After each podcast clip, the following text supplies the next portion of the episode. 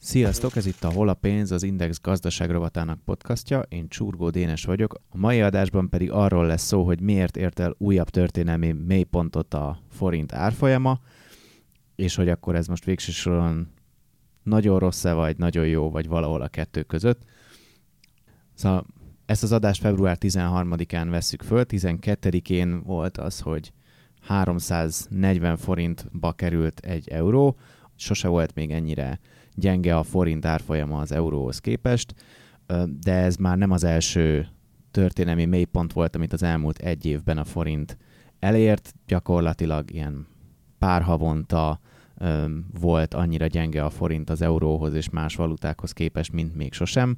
úgyhogy ezt már majdnem, hogy megszokhattuk, és talán már, már számítani is lehetett, hogy ez a 340 is elérkezik, de hogy megértsük, hogy ez mekkora baj, vagy egyáltalán kell-e félni ettől a dologtól, a,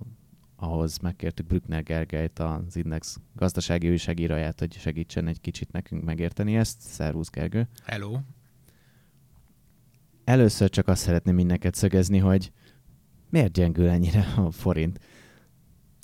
Nem egy egyszerű kérdés, azt hiszem, hogy sok oka van. Én talán most leginkább, ugye általában két oka lehet annak, hogyha egy deviza nagyon elmozdul más devizákhoz képest. Az egyik az valami fajta ilyen kereskedelmi differencia, tehát hogyha mondjuk sokkal többet exportál egy ország, mint amennyit importál, vagy fordított helyzetben, ugye ezek, ezek okozhatnak valami fajta plusz keresletet vagy kínálatot az adott devizában. Én azt gondolom, hogy most Magyarországon már nem erről van szó, sokkal inkább arról van szó, hogy van egyfajta befektetési célú flow,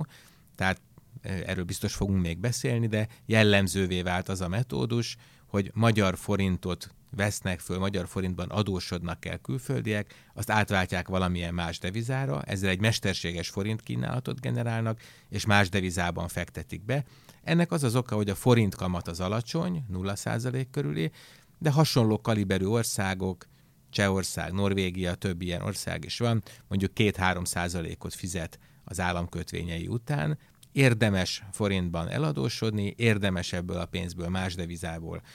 annak az országnak az államkötvényeit megvenni. Ez önmagában egy, ha nincs nagy galiba, akkor ez már egy, egyfajta hozamot jelent, és ha közben még gyengül is a forint, akkor tovább nő ennek az üzletnek a nyeresége. Én úgy érzem, hogy most ez a legfontosabb hatás. Igen, erről majd még mindenképpen szó lesz mélyebben, de nekünk, akik követjük így a gazdasági híreket, meg az olvasóknak,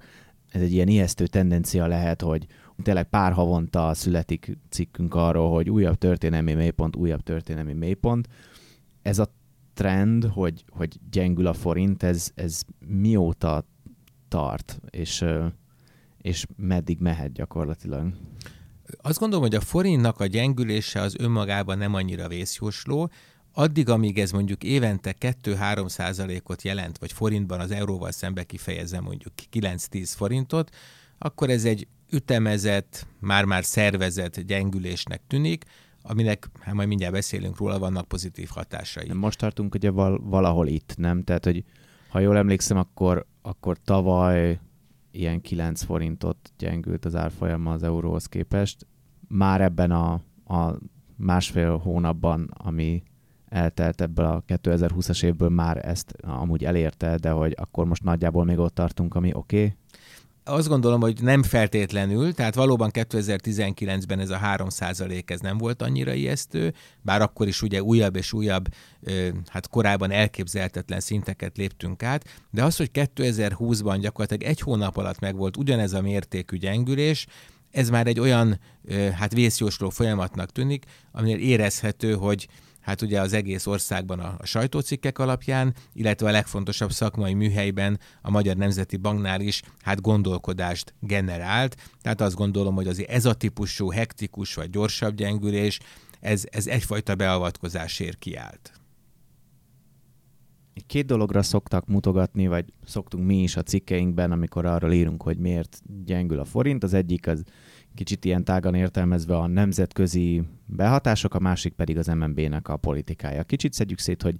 hogy mi ez a kettő, kezdjük talán a, az ilyen nemzetközi hatásokkal. Mi történik a világban, ami pont szegény magyar forintot gyengíti? A magyar forintnak más devizákhoz képesti relatív pozíciójában fontos az, hogy a magyar reálkamat az az egyik legalacsonyabb most a világon.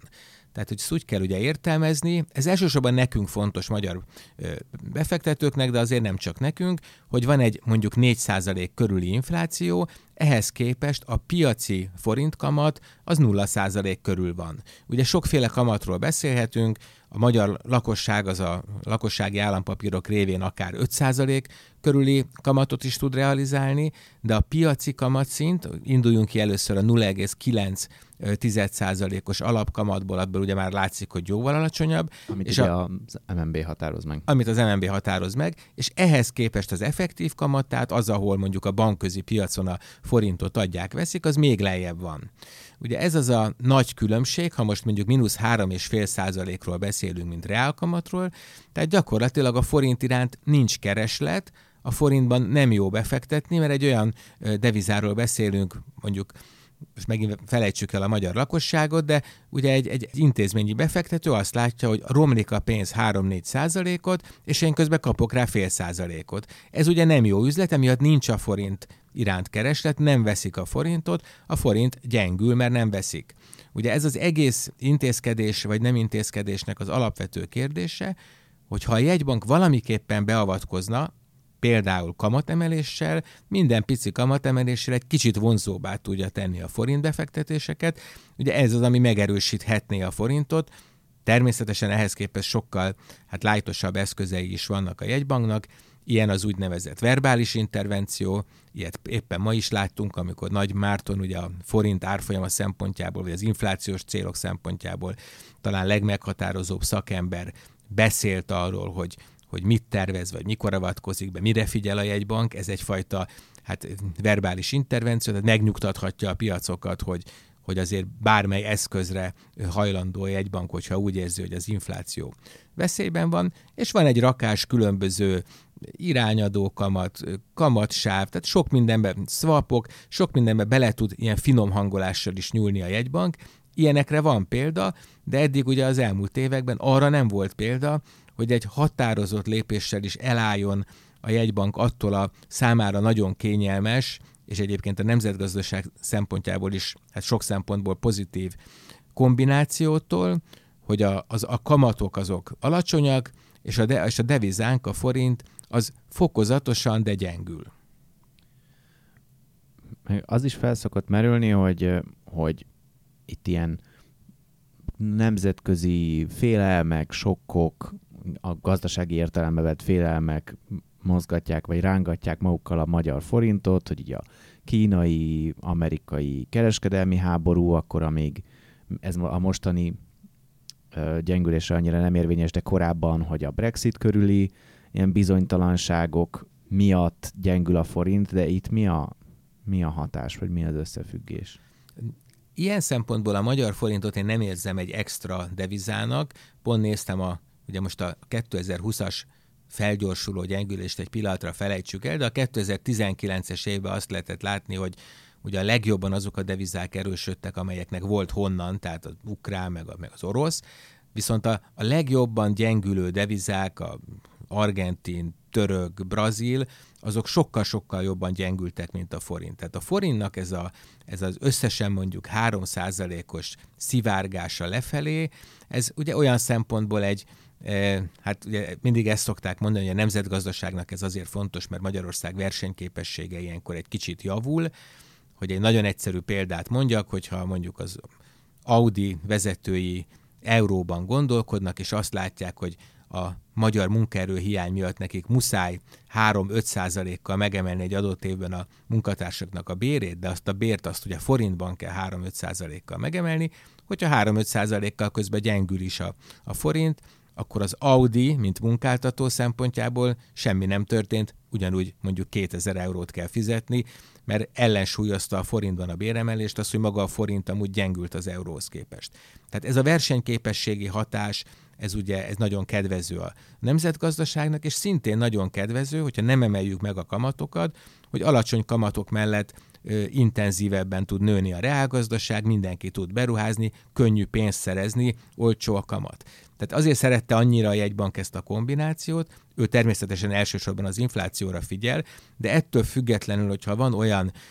hát gyakorlatilag a magyar reálgazdaság, a magyar növekedés szempontjából képviselt célja is, az mindig tagadja, hogy mondjuk árfolyam célja lenne, de ezekből a szempontokból is ugye pozitív volt ez a kombináció akkor van baj, hogyha ez túlzottan felgyorsul, ha már az a hatása dominánsabb, hogy a magyarok bére kevesebbet ér külföldön, globális összehasonlításban a magyarok vagyona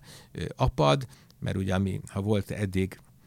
300 ezer forint megtakarítása valakinek, az nemrég még 1000 euró volt, most meg már csak 900 euró. Tehát ilyen szempontból van egy negatív hatás ebbe. És hogy még kettőt behozzak gyorsan, ugye az is nagyon fontos, hogy kicsit kevesebb, vagy akár mondhatjuk úgy is, hogy jóval kevesebb Magyarországnak a devizaadóssága. Ha devizaadósságunk van, akkor nagyon-nagyon kártékony az, hogyha gyengül a forint, mert akkor egyre többet kell, ugye, tehát ha volt csak ugyanezzel a példával, ha volt 1000 euró adóssága, akkor az egyik pillanatban még 300 ezer forint adósság volt, aztán nem sokára már 340 ezer forint adósság, tehát nő az adósság.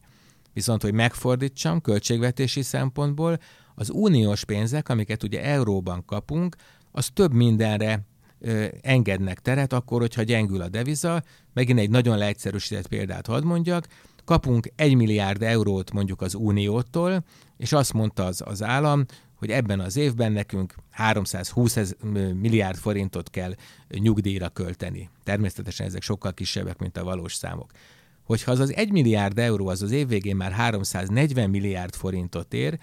de a nyugdíjígéret az 320 milliárd forint volt, akkor hirtelen marad 20 milliárd forint játéktere a kormánynak, talált pénzt, mert ugye az uniós források azok többet érnek forintban, mint amíg erősebb volt a deviza. Tehát ugye ez egy nagyon összetett szempontrendszer, vannak benne előnyök, vannak benne hátrányok.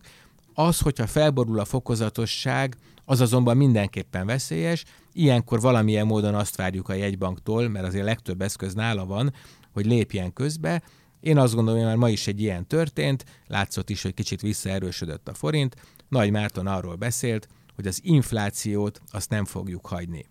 És hogy ez miért fontos, amikor az inflációról beszél, akkor valójában az árfolyamról is beszél.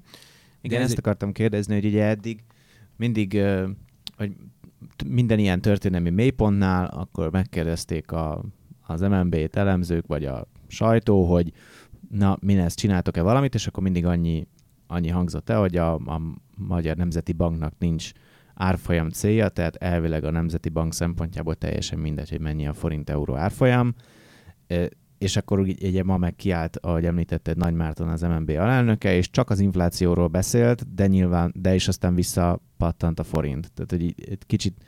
magyarázzuk el, hogy itt mi az összefüggés. Igen, tehát a, a, az infláció szerencsére nagyon jól kordában tartott volt az elmúlt időszakban. Kettő olyan nyomás van, ami miatt az infláció meg tud emelkedni. Most kettőt emelek ki, mert nyilván az olajár, meg szóval rengeteg olyan dolog van, ami, ami érzékenyen hathat rá, de az egyik az az, az az állandó és intenzív magyar bérnövekedés, ugye az emberek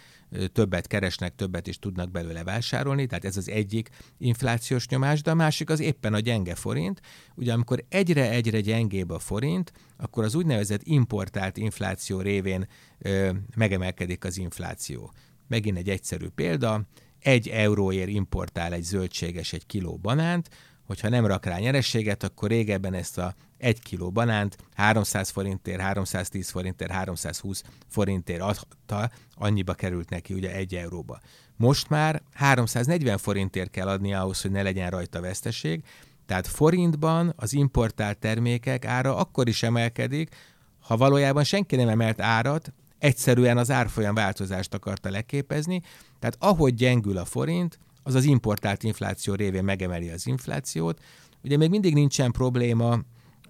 vagy jelentős probléma nincsen az inflációnál, ott az egy komoly veszély, hogyha a társadalom vagy a gazdaság szereplői már arra számítanak, hogy nem a 3% az inflációnak a, centruma, hanem már a 4-es, a 4,5 százalékos értékekkel kell kalkulálni, akkor az inflációs várakozás az önmagában képes megemelni az inflációt. Tehát nagyon fontos lenne visszatalálni erre a 3 százalékra, nem nagyon hagytuk el, de hogyha arról olvasunk, hogy 4-2-4-7, akkor azért az már azért az már jóval több, mint amíg biztosak lehetünk benne, hogy a 3%-ot tudja tartani a jegybank. És akkor az, hogy most, most nem csak annyit mondott a jegybank, hogy minket nem érdekel az árfolyam, hanem elkezdett az inflációról beszélni, az azt jelenti, hogy akkor most már ez a fajta forint gyengülés, ez már problémát jelent? Igen, én úgy fordítom le, hogyha a Nagy Márton arról beszél, hogy figyelnek az inflációra, majd a márciusi inflációs adatokat értékelni fogják, és elgondolkodnak a tennivalókon, akkor ő arra gondol, hogyha továbbra is magas az inflációs szám, akkor a leginkább árfolyamon keresztül tudnak az inflációba beavatkozni, tehát valami olyan jegybanki lépésre számítanék én, ami egy kicsit a forintot megerősítheti. Ugye ennek a legdrasztikusabb lépése a kamatemelés, amivel nagyon régóta nem találkoztunk, de lehet, hogy kamatemelésre nem is kerül sor, még mindig nem kerül sor, viszont az lehet, hogy olyan határozott kommunikációs, vagy olyan határozott ilyen paraméter eltoló lépéseket tesz a jegybank, amely mégis segít a forintot megerősíteni. Említettük, vagy itt a legelején um, beszéltél arról, hogy ilyetén különböző nemzetközi spekulációknak, meg ilyen ügyleteknek lett része a forint, ami szintén így hozzáerül egy kicsit, amiről volt is egy cikked, erről mesélsz egy kicsit, mert ez nagyon érdekes szerintem, amit, amire már utaltál, ez a Carry Trade nevű, nevű ügylet, ami, ha jól értem, akkor részben azért népszerű, mert gyenge a forint, és még tovább is gyengíti a forintot. De ezt elmagyarázod, hogy ez, ez micsoda? Így van, tehát hogyha azt látjuk ebben a nemzetközi környezetben, hogy a forintnak a reálkamata az rekord alacsony, akkor azt gondoljuk, hogy nem valószínű, hogy pont a forint fog megerősödni, hiszen miért jelentkezne kereslet egy olyan pénznemér, amelyik hát a versenytársaihoz képest mondjuk egy azonos inflációval leírható országhoz, Mexikó, Norvégia, Csehország, de akár egyébként az Amerikai Egyesült Államok, tehát a dollár, tehát miért a forint erősödne, amikor, amikor ezeknek a pénzeknek ugyanolyan makrogazdasági paraméterei vannak az országnak, ahol kibocsátják őket, viszont az állampapírpiacon többet fizetnek rá. Másfél-két százalékot, vagy Mexikóban akár 7 százalékot. És ugye azok, akik könnyen mozognak a globális pénzpiacokon, mondjuk egy hedge fund, azoknak érdemes azt a játékot játszani, forintban eladósodunk, és egy másik devizában, mondjuk mexikói pezóban államkötvényeket vásárolunk, ennek van egy jelentős, akár mondjuk költségek után is mondjuk 6%-os hozamkülönbsége, ez egy nagyon-nagyon jó üzlet. Egyedül az rontaná le, hogy amikor vissza kell fizetni a forint kölcsönt, hogyha a forint addigra nagyon megerősödik, tehát abban a mexikói pezóban, amiben ugye ebben az időszakban befektetett a hedge fund, ugye drágább lenne a forintnak, a forint kölcsönnek a visszafizetése, egyenlőre nem látni, hogy ez egy, ez egy valós kockázat lenne, Viszont ha a forint még mindig gyengül, mint ahogy most ebben az elmúlt másfél hónapban láttuk, akkor még jobb lesz az üzlet, hiszen még ráadásul kevesebb pénzt is kell visszafizetni ebből a kölcsönből. Tehát a carry trade az mindig egy olyan üzlet, hogy egy alacsony kamatozású devizában eladósodok, és egy magasabb kamatot fizető devizában ö, vásárolok. Hát itt ugye mindig fontos a pontosság kedvéért hozzátenni, hogy nem maga a deviza fizet kamatot, hanem az abban a devizában megvett államkötvény, tehát a mexikói államkötvény, a cseh államkötvény, akár egy dollár, tehát egy amerikai bond, vagy egy, egy norvég kötvény, de ez egy viszonylag nagy játék, ezt is követi egyébként a Magyar Nemzeti Bank, tehát ő kimutatja minden monetáris tanácsülés után közzétesz egy úgynevezett ábrakészletet, és van, van erre ábra, lehetett is látni, hogy megnőtt a sortállomány, tehát az, a, az az eladott forint, ami mögött ugye nincsen, tehát egy később visszaadandó forint van mögötte, ez mindenképpen figyelmeztető lehet arra, hogy ez a befektetési flow, ez, ez ugye rászállt a forintra, a forinttal játszik. Én fontosnak tartom hangsúlyozni, hogy ugye itt nem valami gaz idegen szívű spekulánsra kell mutogatni, mert annál rosszabbat soha nem tehet egy, egy, egy jegybankelnök vagy egy kormányfő, mint hogy elkezd riogatni azzal, hogy itt spekulánsok támadták meg, ugye a török liránál volt tavaly egy ilyen önsorsrontó játék, hogy az Erdogan elkezdett beszélni a spekulásoktól, és akkor még jobban bezuhant a lira, mert mindenki jelzésnek vette, hogy akkor ezt a devizát érdemes támadni. Tehát itt nem szabad a piac normál folyamatait valami gaz, sötét szobákba kitalált spekulációnak leírni, egyszerűen ez a logikus. Tehát érdemes a forintot így eladni.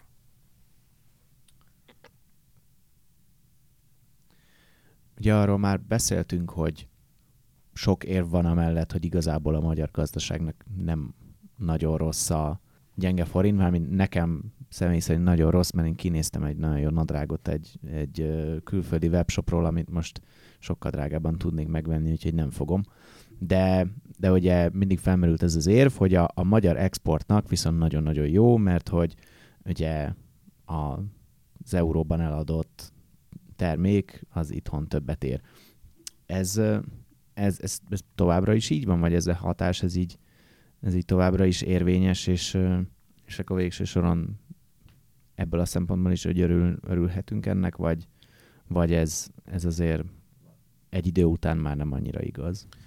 Én azt gondolom, hogy nagyon nehéz szétszincálni. Biztos, hogy egy kicsit a magyar export körül van egyfajta megtorpanás, elég ha arra gondolunk, hogy ugye nagyon-nagyon jelentős a, a magyar ipar teljesítményen belül az autóipar és az autóipar Európában szenved, ugye a német autóipar, amelyen mi a legszorosabban össze vagyunk kötve, kifejezetten szenved.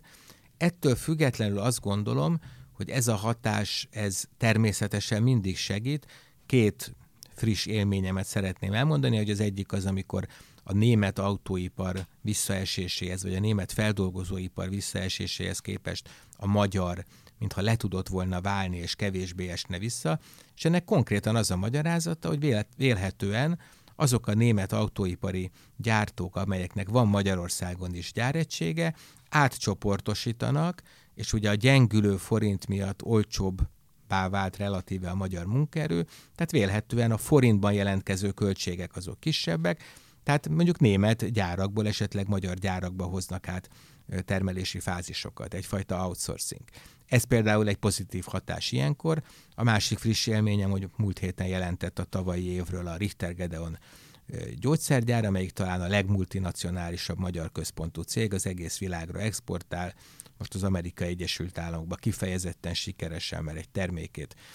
nagyon jól sikerült bevezetni a, a piacra. Hát ugye ennél a cégnél extra pozitívan jelentkezett az, hogy bár természetesen vannak olyan költségei, akár csak a kinti marketing költségek, amelyek ugye dollárban jelentkeznek, de az, hogy egy alapvetően magyar gyártást, a magyar forintban jelentkező költségeket dollárban kint lehet egy jobb bevételére eladni, hát ez, ez kifejezetten növeli az eredményét ennek a cégnek, tehát azért ezt a hatást továbbra se ö, szabad lebecsülni, csak hát azért a végtelenségig nem lehet gyengíteni egy devizát, ugye van azért egy olyan szint, amikor valójában a magyar jövedelem, a magyar megtakarítás nagyon csúnyán leértékelődik, és lehet, hogy nagyon büszkék vagyunk a vállalataink sikereire, de közben azt fogjuk érezni, hogy a magyar munkás az még jobban legatyásodott az európai munkásokhoz képest.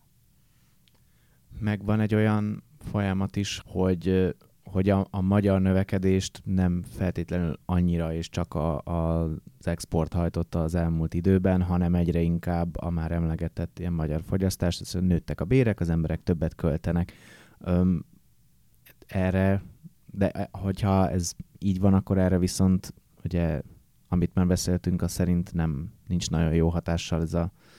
gyenge forint. Hát abszolút így van, és ugye azt gondolom, hogy az a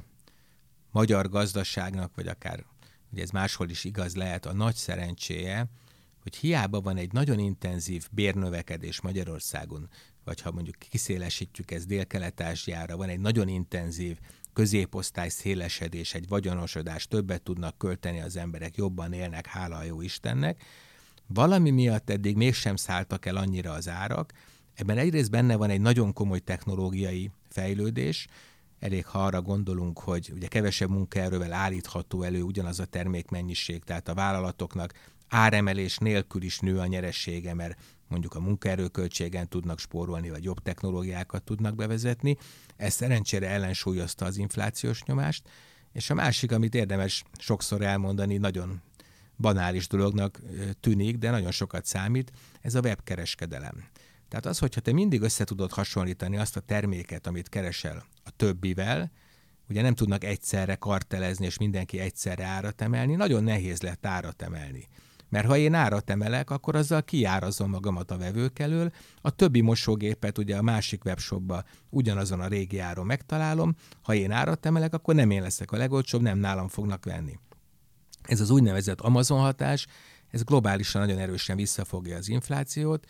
úgyhogy ez, ez hát évtizedről évtizedre az elmúlt 50 évben az amerikai, mint talán legfontosabb infláció nagyon jelentősen csökkent, az átlagos infláció, ez egy globális hatás, Magyarországon is nagyon alacsony most az infláció, de ez egy olyan vívmány, amit érdemes megőrizni, tehát hogyha ki pattanunk ebből a 3%-os sávból, és egyszer mondjuk egy ötössel kezdődő számot jelentünk, akkor könnyen ki, ki lehet ebből a, ebből a sávból fordulni, ez már igazi veszély lenne. Még ugye a, a kormányról nem igazán beszéltünk, hogy a magyar kormány az, az tud bármit kezdeni ezzel a helyzettel, vagy vannak olyan eszközei, ami, amivel hatással lehetne az árfolyamra, illetve a kormánynak, kormány szempontjából ez, ez milyen folyamat, jó, rossz, semleges? Hát ugye a gazdaságpolitika szempontjából azért eddig inkább dominált az, hogy ö, a kettőt megint együtt említeném, tehát alacsony kamatszint, az emberek vesznek lakásokat, a cégek mernek beruházni, vannak uniós források, tehát a kamatszint is fontos volt. Az árfolyam ugye elsősorban azért volt fontos, mert a magyar gazdaság versenyképessége, a magyar munkaerőnek a versenyképessége az, az javult. Természetesen tud a magyar kormány befolyásolni, elég ha arra gondolunk, ami a pénzügyminisztérium, illetve az AKK feladata, hogy milyen devizanemben adósodunk el, tehát nagyon sokféleképpen tud árfolyamot befolyásolni a kormány. Én azt gondolom, hogy az MNB azért fontosabb ebben a kérdésben, de biztos vagyok benne, hogy mindenhol nagyon figyelnek most már ezekre a folyamatokra. És még azt szeretném megkérdezni tőled, hogy szerinted merre tart még ez a folyamat? Lesz még, nem tudom, pár héten, hónapon belül egy újabb történelmi mélypont, vagy lesz még 350-es euró, vagy most úgy tűnik, hogy az MNB az elkezdte komolyan venni ezt a dolgot, és, és megállítja a további gyengülést. Az MNB egészen biztosan figyel, ugye akár a már többször szóba hozott mai jegybanki alelnöki kommunikáció is hát ebbe a sorba illik. Ha érdemi lépés nem történik, akkor én továbbra is ereszkedést tartok, tehát még nem érzem azt, hogy az alját elértük volna. Kérdés, hogy egy-egy ilyen kisebb lépés, verbális intervenció, swap állomány, ilyesmi mennyire tudja megállítani ezt a folyamatot, de az biztos, hogy van eszköztere a, a jegybanknak, és biztos, hogyha kell, akkor használni is fogja. Hát Brückner Gergely, nagyon szépen köszönöm, hogy segítettél nekünk egy kicsit megérteni ezt az amúgy meglehetősen bonyolult folyamatot és uh, nektek pedig hallgatok, azt javaslom, hogy olvassátok az erről szóló cikkeinket, elemzéseinket, és hallgassátok a podcastjainkat. Sziasztok!